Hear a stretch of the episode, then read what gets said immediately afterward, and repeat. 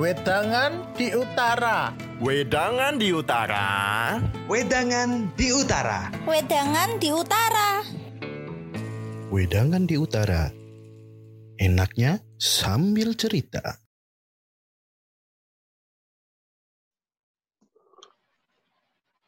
Eh, Mas Dodi, monggo. Eh, Mas Karol. Eh, Mas Karol. Le Yohan. Lek Yohan. Um, iki ana Mas Tetet. David Barang iki piye-piye kabare? Kae to? Sehat. Saya Sehat, sehat-sehat semuanya. Dinten menika iki agak rame. Ini sebelah sana ada Mas siapa Dimas sama Mbak Laras. Eh sini, sini aja. Nah, Eh, ya. Ya, Le. Wah, itu. Mau pesan apa lagi? Le, aku air putih dulu, Le. Sik rada ngelak iki Air putih sik. Hmm. Oh, siap, siap, siap. Itu di sebelah sana ada Mas Brantino juga dari Kupang kebetulan dia datang. Eh jauh-jauh nih. Oh iya. Wih, tak kenal ke. Ada wong keren, Bro. Siapa nih? Siapa nih? Oh, Apa tuh? sepantaran sama saya. Oh iya. Kerjaannya juga sama. Duduk, di belakang. Tak panggilin dulu ya. Ya, Panggilin dulu. Boleh, boleh, Ya. boleh. boleh, boleh. Om Is, Om Is Tata. Sini. Iki Le Yohan Nah, iki terus ini pripun, Pak? Pripun, Mas? mlumpuk men iki do ya ono acara apa ya? Ini Kumpul-kumpul. biasa. Anak muda do maem biasa. Hmm. Nah, kebetulan situ Oh. ada makan di sini ya tak kenal ke. Nah, Iya, sepengetahuan saya itu kan Aha. selama ini kegiatannya itu ketemu anak-anak muda juga. Ya, mulai dari Ah, anak TK ada, anak SD ada, anak sekolah yang SMA maupun yang SMK ada, orang tua yang masih muda-muda, bahkan orang tua yang udah nikah 10-20 tahun belum punya anak juga punya, pernah ketemu banyak itu kesempatan kayak gitu. Nah, lebih banyaknya sih ketemu orang-orang profesional yang mau mengembangkan lagi kompetensinya untuk meningkatkan diri, menjawab kebutuhan-kebutuhan tuntutan perubahan zaman gitu. Ya, Oke. apa ya istilahnya? Memfasilitasi orang lain belajar. Om Toto ini pekerjaannya fasilitator belajar. Gitu. Hmm.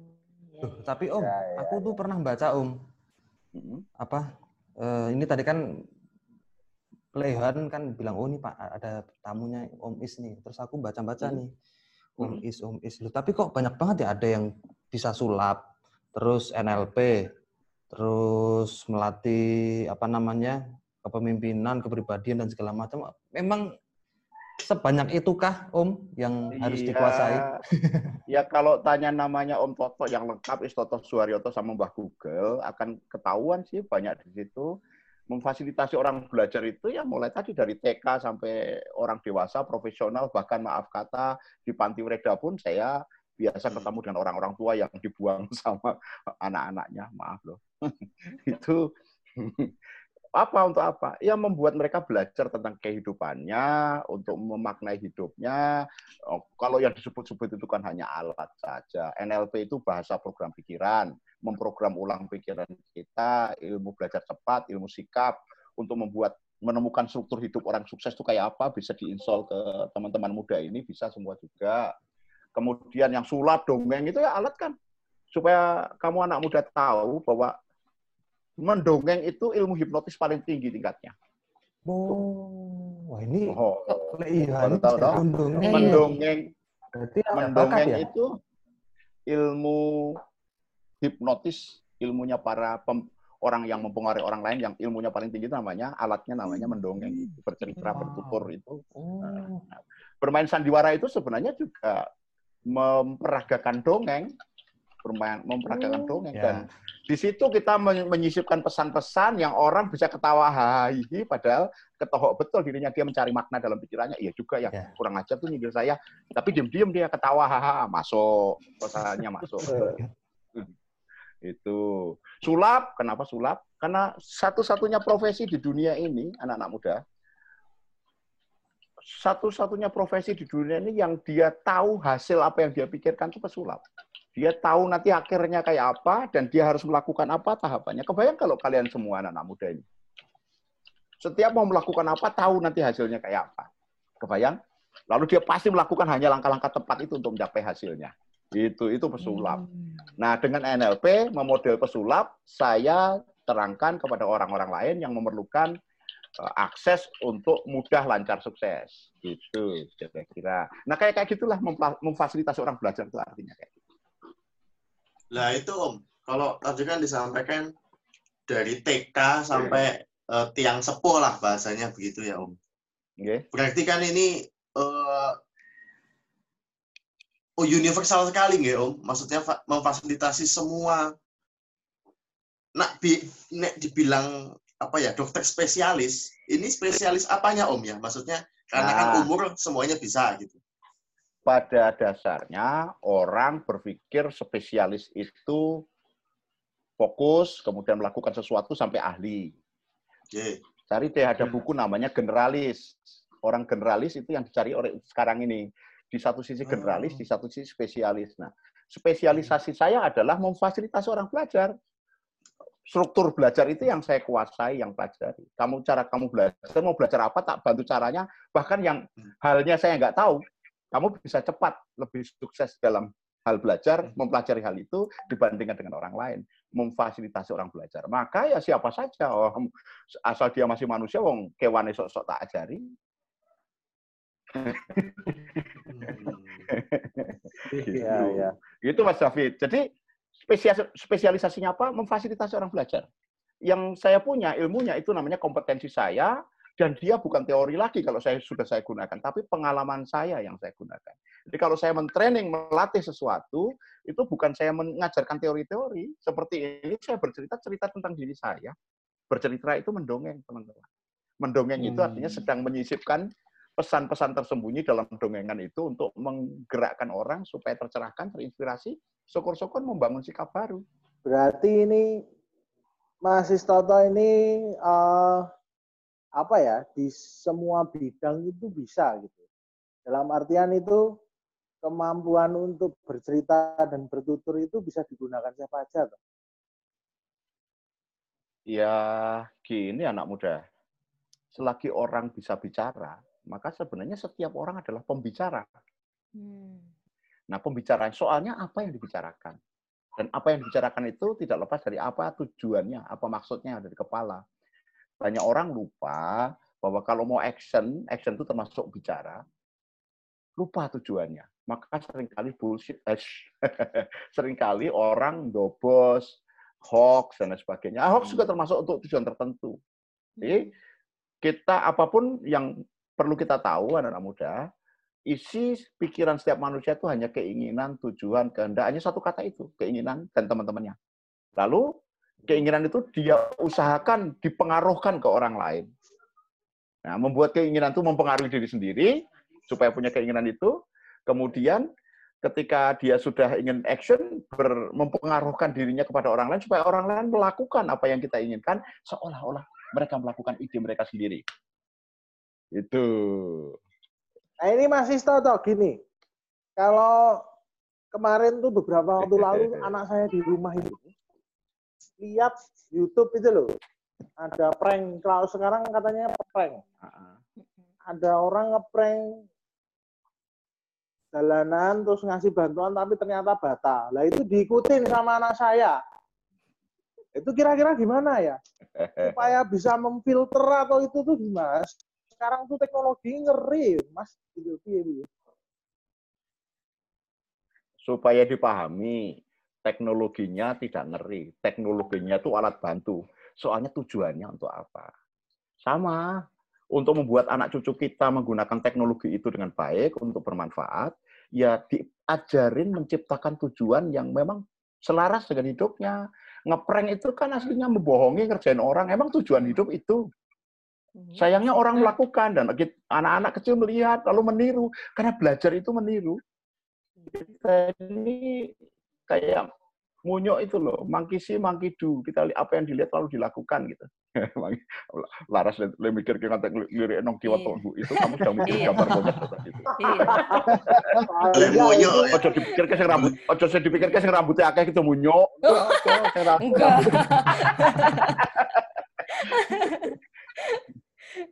Lah Om Is, ini sebenarnya sama nih kayak si eh, Lek Yohan ini. Maksudnya saya juga kan punya anak-anak baru usia 14 bulan lah. Ini sekarang baru hobi-hobinya menirukan orang, terus eh, sudah berani Pasti. untuk bilang nggak mau, tidak, udah berani Hmm. ngeyel gitu. Nah kadang-kadang kan akhirnya muncul kata istriku sih bilang sih Om Is jadi jangan bilang jangan bilang gitu istilahnya hindari kata jangan terus eh, jangan Larang.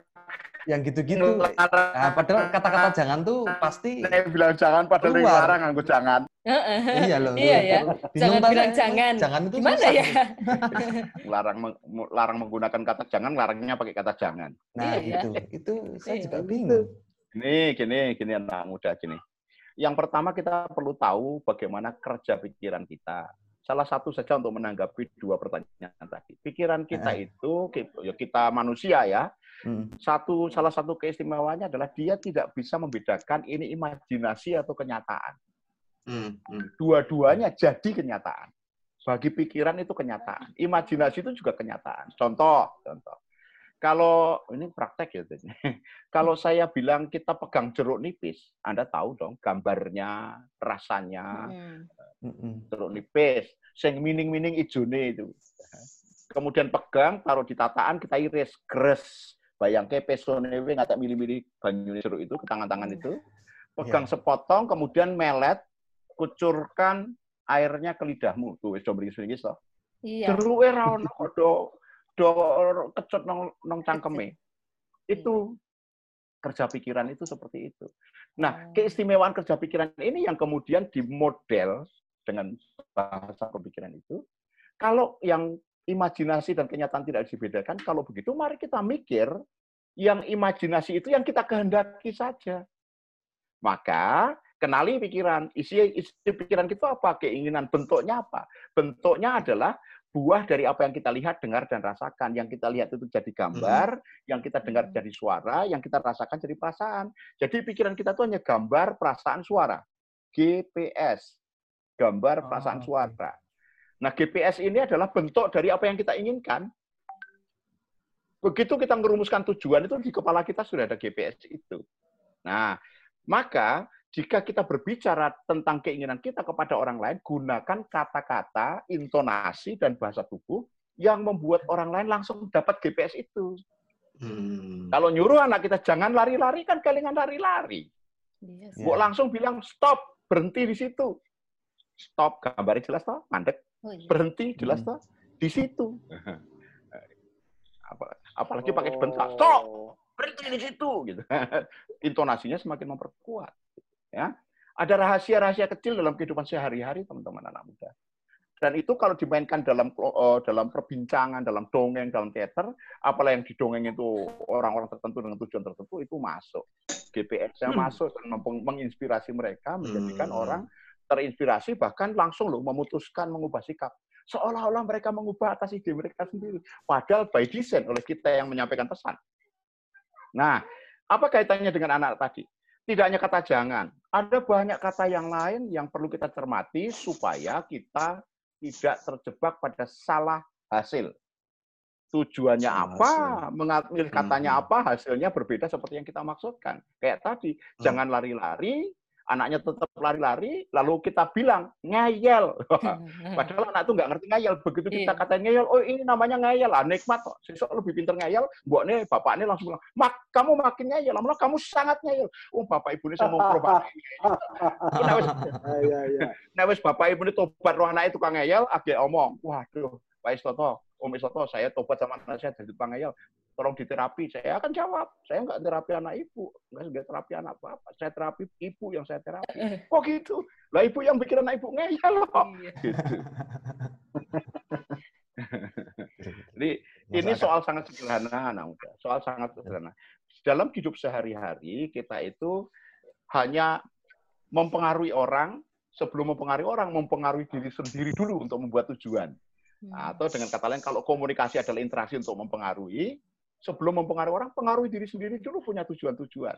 Nah, tujuan itu yang pertama sukses kalau kita dalam kuasa kita. Misalnya besok bangun jam 5, bikin di Android, eh, alarmnya di set jam 5. Jane yang bangunkan kita siapa? Alarm atau apa? Tidak. Alarm Oh. alarm berbunyi itu kita dengar itu kita sudah bangun. Iya. Sudah dibangunkan Iya oleh sih. Gambar jam 5 dalam pikiran kita. Soalnya adalah bangun sungguhan atau betulin selimut lagi.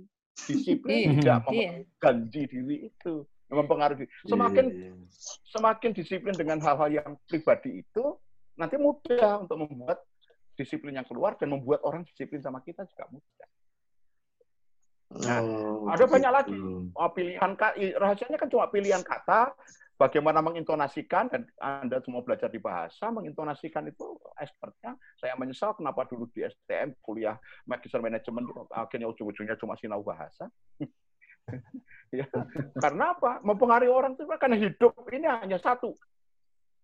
Ngeframe, membingkai pikiran orang. Satu. Nah sayangnya orang lain juga pengen membingkai kita. Kedua, eh, yang pertama ngeframe, yang kedua bersedia tidak kita di frame. Bersedia kita dipengaruhi tidak. Kalau memang hal-hal baik ya bersedialah untuk dipengaruhi. Mm. Tapi jika tidak pertebal filternya dengan pertanyaan, dikritisi, ditolak dan sebagainya, nah, maka di situ letaknya. Bagaimana kita menggunakan pikiran kita untuk mempengaruhi orang, tentu pertama harus mempengaruhi diri, dan ketika punya tujuan jelas itu mempengaruhi orang lain itu dengan mudah. Itu ya. Nah, di sini letaknya bagaimana memahami kerja pikiran hanya gambar perasaan suara, isi bentuk tujuan kita hanya gambar perasaan suara. Ketika jadi kata-kata itu sudah terjadi dalam pikiran kita. Nah, pikiran kita itu yang mengendalikan siapa? Anda sendiri, teman-teman. Nggak bisa orang lain mempengaruhi pikiran kita selagi kita tidak mengizinkan. tidak mengizinkan kita di frame orang. Karena begitu di frame, Anda nggak- teman-teman nggak setuju, anak udah nggak setuju, pasti nanya tuh, apa maksudmu? Karena apa kan gitu. Ketika kita bertanya tuh orang sudah mikir, uh, ini orang kasih tahu kok nggak mau ngerti ya. Itu sudah tanda kok. Selagi ada orang mempertanyakan pendapat kita, itu tandanya kita kurang pendekatan. Kurang orang belum percaya sama kita. Maka dalam komunikasi yang perlu kita lakukan, termasuk dongeng, itu harus bikin pendekatan, koneksitas. Menyapa, apresiasi, nah, anak Oke. ya ada surat-surat, ada keplok-keplok. Nanti mereka mendengarkan baru dongeng. Mulai ngomong kiri kanan, saya keplok lagi. Supaya mereka nengok ke saya lagi. Hmm. Oh, Om Is, nih. Yeah. aku tertarik jadinya. Ini aku mencoba menyelaraskan dengan pekerjaanku. Kebetulan saya, iya, maksudku Oh, apa ya. Men, ya, menyelaraskan gitu. Jadi gini Om, Eh, seperti tadi Om, ini mungkin pertanyaan yang bisa dijawab dengan gabungan gitu. Eh, apakah pertama ketika Om memberikan fasilitator eh, ataupun fasilitator ataupun kita komunikatornya itu harus membentuk diri sebagai orang yang harus dilihat dulu gitu. Sosok yang eh, harus dipercaya, dikenal dan sebagainya. Lalu kredibil jadi membangun kredibilitas gitu ya Om. Nah yang kedua ini pekerjaanku sekarang, saya wartawan dan sekarang sepertinya publik masyarakat itu kepercayaan dengan eh, media eh, mainstream, media massa itu menurun.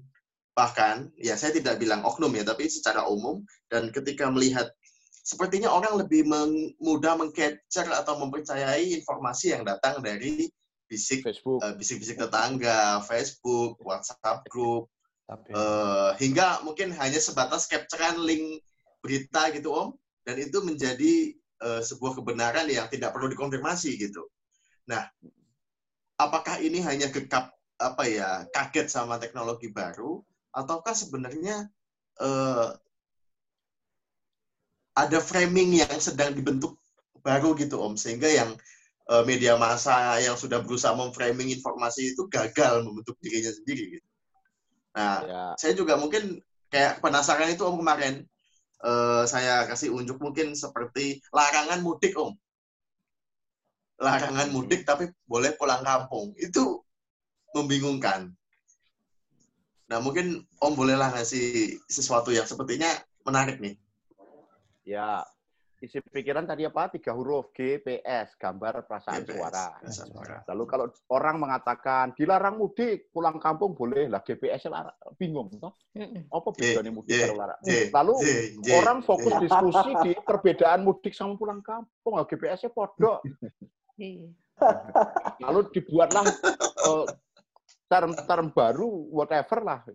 Kalau saya komentar tentang mainstream itu maaf maaf kata tentu ada bohirnya. Ya dia memihak ke arah alur alur apa ya tiupan angin ke mana lah gitu. Iya, kita iya, tahu. Nah, iya. sebagai pekerja tergantung pada kre- kredibilitas pribadi. Tapi kredibilitas dengan di induk media mana itu sangat menentukan nanti dengan dinilai oleh orang. Sekarang ini yang terbaru kan soal itu soal orang harus minta maaf karena mengatakan sesuatu tentang Papua itu kan lucu itu. Hmm.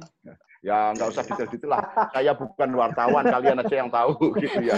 Mau mengatakan gini, Mas, Mas, Mas David, Mas David mau mengatakan gini, pikiran itu nggak bisa membedakan imajinasi dan kenyataan tadi. Karena orang tahu itu, maka menggunakan move-move imajinasi-imajinasi yang sesuai dengan tujuannya untuk mempengaruhi orang ke arah mana, orang yang lihat, dengar, dan rasakan, lihat, dengar, dan rasakan, akhirnya muncul GPS-GPS baru, itu menjadi kebenaran dalam pikirannya.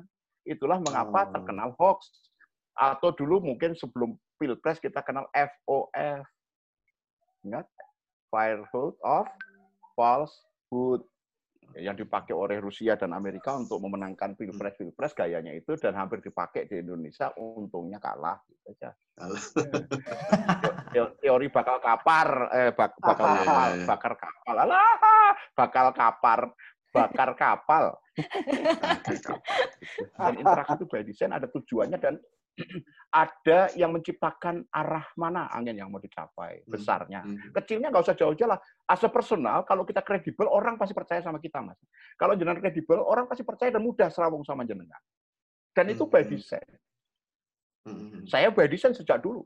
Saya mentrennya sejak tahun 82, Mas. 82 loh. Di 82. Sejak awal semester 1 mahasiswa.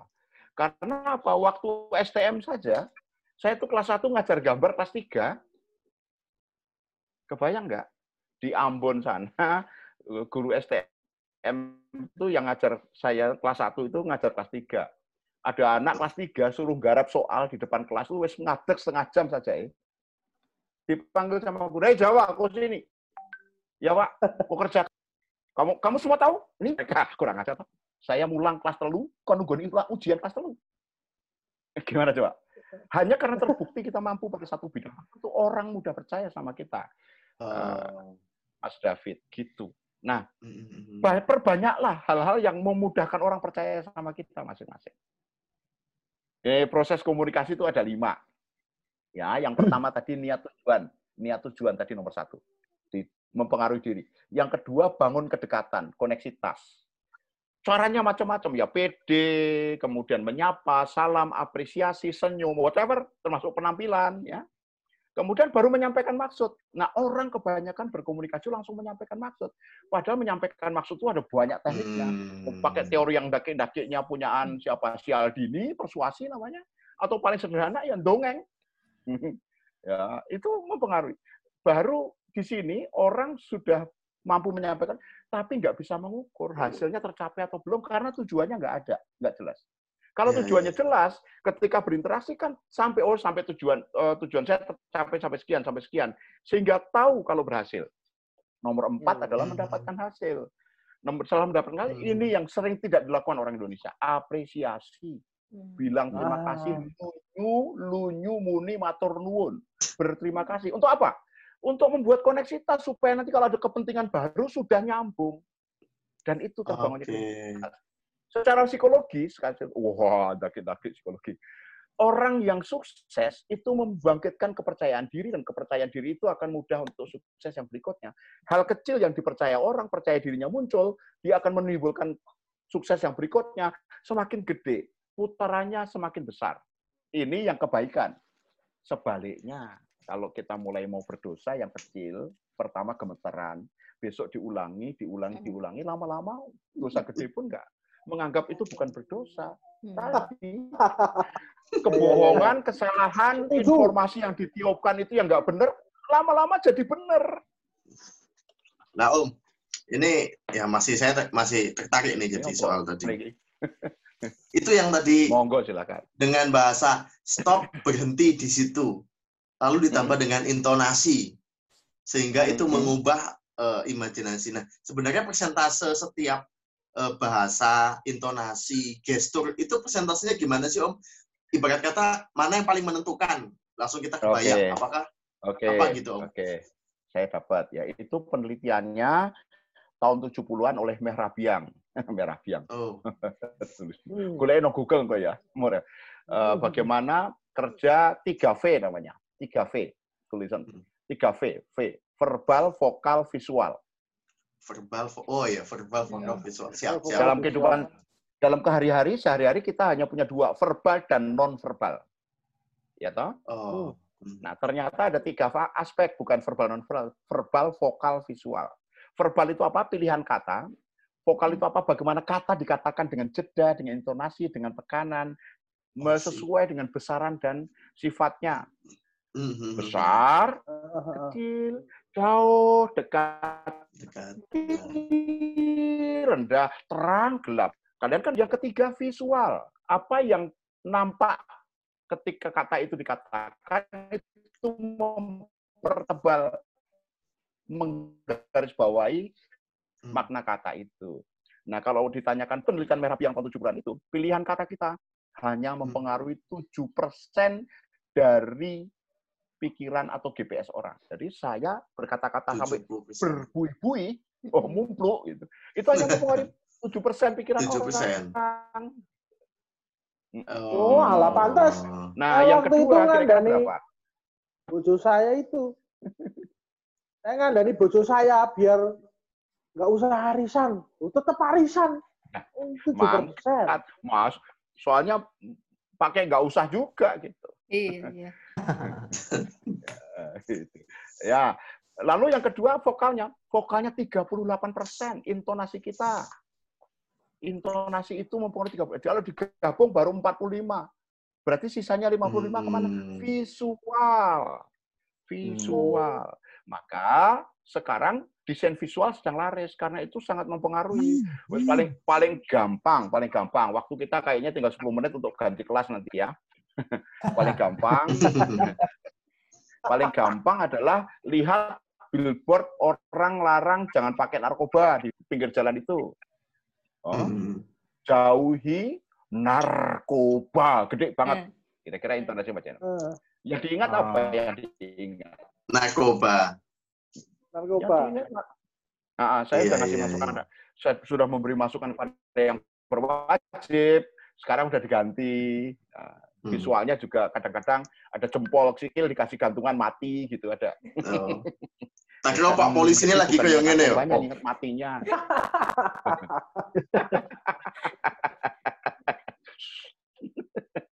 Jadi Om, Ya. bahasannya eh, kalau kita me- melihat di kita kan verbal sama non verbal. Berarti sebenarnya non verbal itu malah lebih powerful ya Om. 93 persen, 93 persen. Lawang, nek ono di depan di depan audiens saya cuma metenteng gini terus Ah, iya iya iya. iya. gila, terus gini terus gitu aja orang tahu kok kamu gitu kan tahu pergi keluar sana Iya iya Hmm. iya iya iya iya. iya. apalagi suami istri Wah, Oh, ngeri. Kira sebelahnya gitu Hmm, hmm. anak bojoku wis ngene, wah rampung uripku. Wis, ngeri. nah mas sadari itu nah bagaimana kalau kita adalah wartawan maka tulisan kita itu pilihan katanya harus mengandung GPS tadi Hmm, hmm, hmm. setiap kata yang kita pilih mengandung GPS, kemudian desainnya, titik komanya itu menentukan GPS. Lalu desainnya, judulnya dan sebagainya. Maka orang sekarang main judul.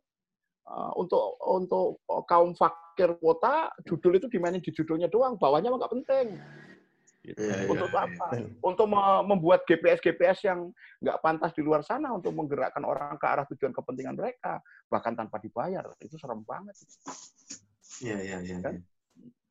Atau kalau Mantap, kita betul. tinjau secara, tinjau secara positif, Mas David, ya, pimpinan itu digugu bukan dari kata-katanya, tapi yang terlihat dia melakukan apa. Ini kalau ditinjau dari sisi leadership. Kalau kita mau memimpin, itu ya yang terlihat apa. Itu yang paling ditiru. Orang tua pun begitu. Kalau teman-teman punya anak kecil, nggak usah banyak kata-kata. Lakukan sesuatu, maka mereka akan ikut. Ya. Berarti berarti besok aku nggak usah nek nek wed jangan nggak usah jaluk mangan. Aku mau. Ini nggak om? Wah, so, tangan aku BTS. kasih tahu. Gini. Ah, begitu Malik David, Mas David datang, aku masih. Bayar, bayar. Duit, duit enggak? Duit enggak? Om Yohan, karena mereka sudah kenal sering datang ke warungnya Om Yohan, maka gampang, biasa, ngono rampung. Oh iya. dadai terus. Iya. Iya. Nah, itu biasanya, Oh, nah, itu biasanya ngutang ya, Om. Oh, iya, karena sudah paham. Nah, pada bahasa yang sering-sering, oh itu Nah, itu sebabnya pembiasaan itu loh, Mas David, pembiasaan. Nah, nah dia Iya, kalau iya. sing di warung kuwi kan biasa, misal. Makanya, Mas, kopi biasa, ngerti takerane telung telung sendok kopi nih, gulane lali. Biasa. Iya, iya. Padahal ben hemat untungnya gede. Padahal untungnya dhewe seneng kopi pahit, ya toh? Iya, iya, iya. Wih, tukang bakule yang guyang-guyu. ki. Nah. Nah, Om Is, ini saya mau tanya nih Om. Aha. Nah, ini apa namanya? Tadi eh, nyambung ke yang masalah tadi dari dari Mas David tadi bilang eh, media massa mulai nggak di eh, trustnya mungkin bahasanya trust mungkin ya. Trustnya mungkin lebih orang tuh lebih gampang percaya dengan yang eh, pesan-pesan dari sosial media. Nah, sekarang kan juga banyak tuh eh, ada influencer-influencer yang mungkin aku tadi berpikir ketika Pak Ist, apa Om Istoto ngomong eh, kata ini dari siapa gitu dulu baca di buku mana gitu. Nah sekarang ini kan influencer itu kan banyak banget ya Om ya. Influencer di YouTube, mungkin di Instagram Iya. segala macam. Iya. Nah, itu mungkin nggak sih kayak misalkan di zaman nanti cucu cucunya Om Is anakku sendiri atau gimana ke depannya justru orang-orang tuh wah menurut influencer dulu di tahun ini kayak gitu. Jadi orang-orang Oh, tuh iya, iya. intinya tuh cuma influencer influencer padahal kan itu ngeri banget ya maksudnya eh, kita nggak nggak semua influencer itu positif gitu loh bahkan kemarin Masih. ada ada influencer yang sampai di ada yang dipuji ada yang dihargai ada juga yang dihina ada yang dibully segala macam nah terus kemudian aku melihat karena aku kan agak sering memperhatikan sosial media Instagram termasuk TikTok sekarang yang mungkin lagi banyak rame gitu om nah di situ tuh komen Begitu komentar komentarnya Laras langsung gini ya. Enggak, enggak pernah TikTok saya, Om. nah di sosial media sosial media seperti itu tuh sekarang komentar komentarnya itu saya sempat apa ya berpikir ini nih anak-anak yang komentar atau umuran yang orang-orang yang seumuran saya atau yang sudah tua karena mereka kadang-kadang tuh di situ mereka tidak tahu karena mereka kalau mereka itu ternyata berdebat dengan anak kecil. Seperti itu. Di komentar di postingan apa mereka berdebat bla bla bla bla ternyata nggak tahu mereka yang di yang di belakang tulisan itu tuh siapa. Nah nah menurut Pak Estoto sendiri melihat perkembangan netizen ya mungkin kita bilang netizen ya karena netizen itu kan eh, nantinya juga bakal istilahnya masa depannya Indonesia itu kan di netizen-netizen itu juga. Maksudnya orang itu kan juga punya kesibukan lain selain di sosial media. Cuman mereka juga punya kebiasaan di sosial media yang kurang baik gitu. Nah, menurut Pak Istoto melihat perkembangan yang sekarang itu seperti apa, Pak? Nah, kalian anak-anak muda sadari banget dunia kalian berbeda dengan dunia saya. Dan kita yang akan menentukan dunia berikutnya. Tiupan apa yang ada di dunia komunikasi kita sekarang yang kebanyakan lewat internet ini akan menentukan kualitas hidup kita. Kualitas hidup seseorang yang kualitas hidup seseorang itu menjadi karakter, ya karakter seseorang itu kalau dikumpulin menjadi budaya, maka akan ada budaya baru budaya kalian anak-anak muda. Nanti beda lagi anak-anak kalian. Yang cucu-cucu saya itu akan membangun budaya yang berbeda lagi. Nah, yang soalnya adalah kita mampu menjadi peniup angin dan menentukan arah angin itu bertiup ke mana atau tidak. Jika tidak, maka kita akan kebentuk, akan ke frame tiupan arah yang dibuat orang. Yuk, mari saya ajak anak-anak muda dari wedangan di warung utara ini, wedangan di utara ini kita mulai bagaimana memunculkan api kecil dan kita tiup supaya asapnya ke mana-mana membawa aroma kalian. Ideologi, idealisme, wah ideologi. Idealisme, arah-arah bentuk-bentuk kualitas diri, apa yang yang hendak kalian warnakan kepada dunia ini. Maka berharap dari sini medsos itu platform kita sekarang. Kalau banyak orang justru mempercayai tiupan isu di medsos, kita pakai di situ. Iya, Gitu. iya, iya. Banyak orang sekarang ini bicara soal wabah. Orang bilang COVID, dan saya jarang menyebut corona, COVID saya jarang. Kenapa menyebut itu? Karena dia zat. Kita ini juga zat. Sama-sama zat diciptakan Tuhan. Apalagi melawan gitu. Melawan, emang lu bisa ngelawan dia nggak kelihatan mata loh. Lalu apa? Prinsip saya, pertama saya jarang menyebut namanya karena saya respect. Saya terima. Oh, Pilih mana? Ngelawan atau terima? Kalau saya terima. berdamai. Kita kalau yang kelihatan tuh kita main selancar ombak di pantai. Kan jelas ombaknya kelihatan. Itu saja kita Hmm. harus mengikut gelombangnya ombak supaya kita bisa selamat sampai ke pinggir. Tabrak ombak, tenggelam. Sama sekarang ini. Corona membuat gelombang semacam apa? Ya mari kita gunakan papan selancar kita masing-masing. Ingat, kita berada di lautan yang sama tapi bukan di bahtera yang sama kan? Ya kita pakai papan selancar kita lah, berselancar di atas gelombang kehidupan yang diciptakan oleh wabah itu. Maka di situ kita akan bertahan.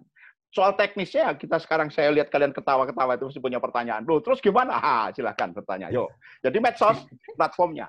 Anginnya, mari kita bikin. Mari kita arahkan. Kita punya tujuan apa? Tiupkan, hembuskan. Pakai blower.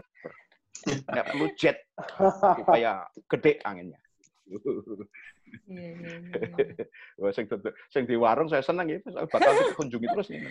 Monggo, monggo jika ada pertanyaan lanjut, silakan, silakan. Ini Om. Oh, Sekarang laris. gantian. Jagain lho, sesuk aku pesan pesen pesen. Hmm, ya wis, takono, takono. Om mau nanya nih Om. ah, Nih kan kita kan sekarang sedang memasuki eh, era new normal kan Om. mhm, hmm. Nah, ini nih menurut Om nih, eh, apakah nanti tuh bakal ada pendekatan komunikasi yang baru? Jadi kan kayak contohnya ini, eh, kita kan biasanya tuh sebelum ada pandemi ini adalah sering bersalaman kan Om? Ah, Nah, semenjak ada pandemi ini kita kayak terbatas dalam bersalaman. Selain itu juga kayak kita jadi berkumpul Ah. itu dibatasi. Nah, kayak gitu. Menurut Om tuh gimana? Hmm, mhm, Oke.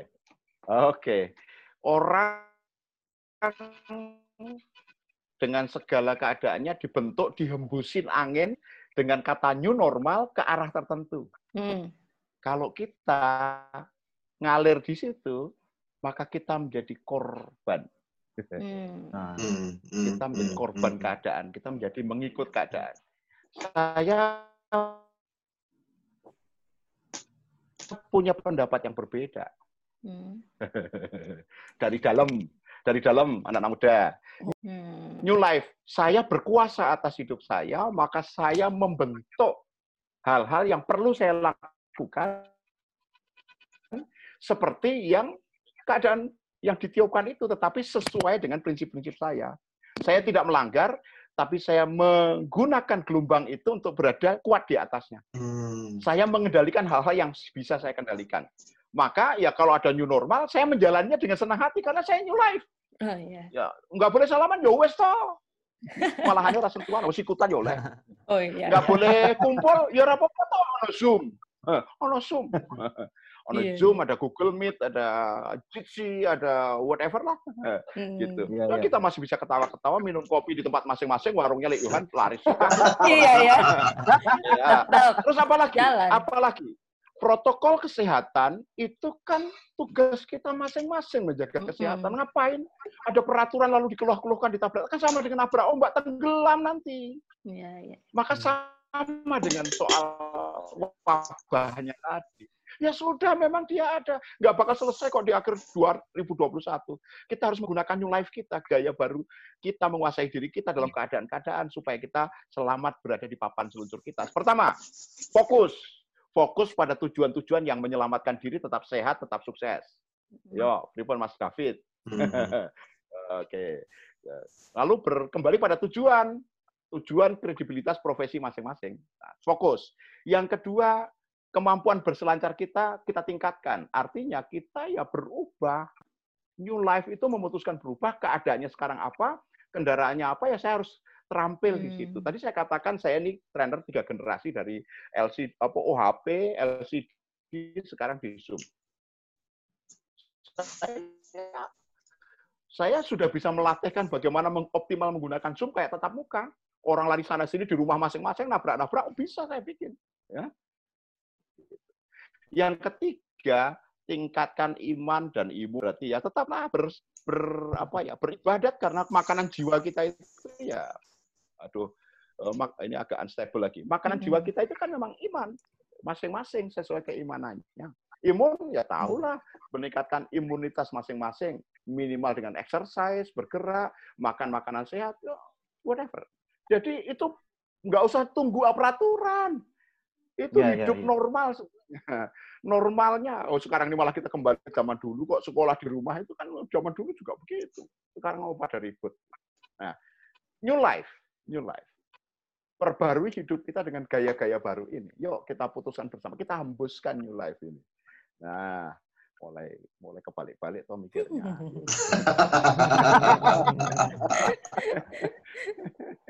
Oh, wedangnya, itu minumnya, kopinya, kopinya. Saya tidak traktir ini, sudah pokoknya Iya. Sampun telas teh kula, Om. larisan. Jadi ono sing mangan juga kucing ngatak rolas iki Mas apa? Mas Niku Mas Dimas. Dimas. telap, telap, telap, sak wungkus dimplok pindu. Kenapa saya saya kok kula? Ya, pripun? Niki sebelum anu ini, Mas Isloto ini. Sebelum Oke. saya nutup warung kebetulan dagangannya udah entek semua atau kelarisan ini. Nggih. Ini ada mimpi atau harapan atau kepinginan yang mungkin pengen dicapai apa atau pesan yang ingin disampaikan mboten? Sederhana, Mas. Eh, ini Lek Yohan ya. Ketemu nang dalan pangling aku karo jangan. Apa yang saya katakan ini bukan barang baru, tetapi keputusan baru. Tadi saya katakan mulai. Belajar. Belajar itu dipikir hanya di kelas, di seminar, di kelas formal. Tidak. Belajar itu menggunakan panca indera. Lihat, dengar, dan rasakan. Cecap dan cium nggak usah. Nanti kalau cecap, kalian juga saya, saya basah nanti. ya. Lihat, dengar, dan rasakan, lalu mengakuisisi keadaan dunia ke dalam pikiran kita, jadikan GPS tadi. GPS apa yang berguna kita simpan. GPS yang nggak berguna ditolak atau ya kalau setelah itu masuk ya dibuang, dihapus, di skip kah, diedit kah. Kalau teman-teman yang di film kayak Mas Dodi itu ya diedit, dipotong, dibuang atau disimpan jadi dokumentasi apa segala macam. Bisa. Lalu yang kita pakai apa?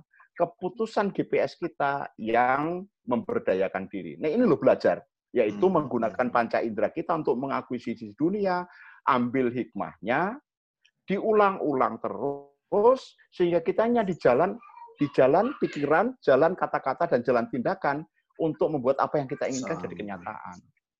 Ya. Jadi belajar. Belajar sekali lagi bahkan kalian menyimak saya ini kan melihat, mendengar dan rasakan saya.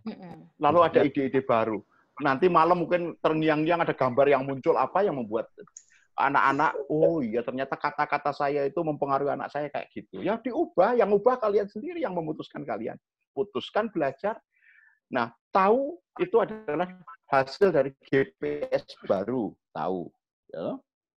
Kalau diulang-ulang jadi dapat.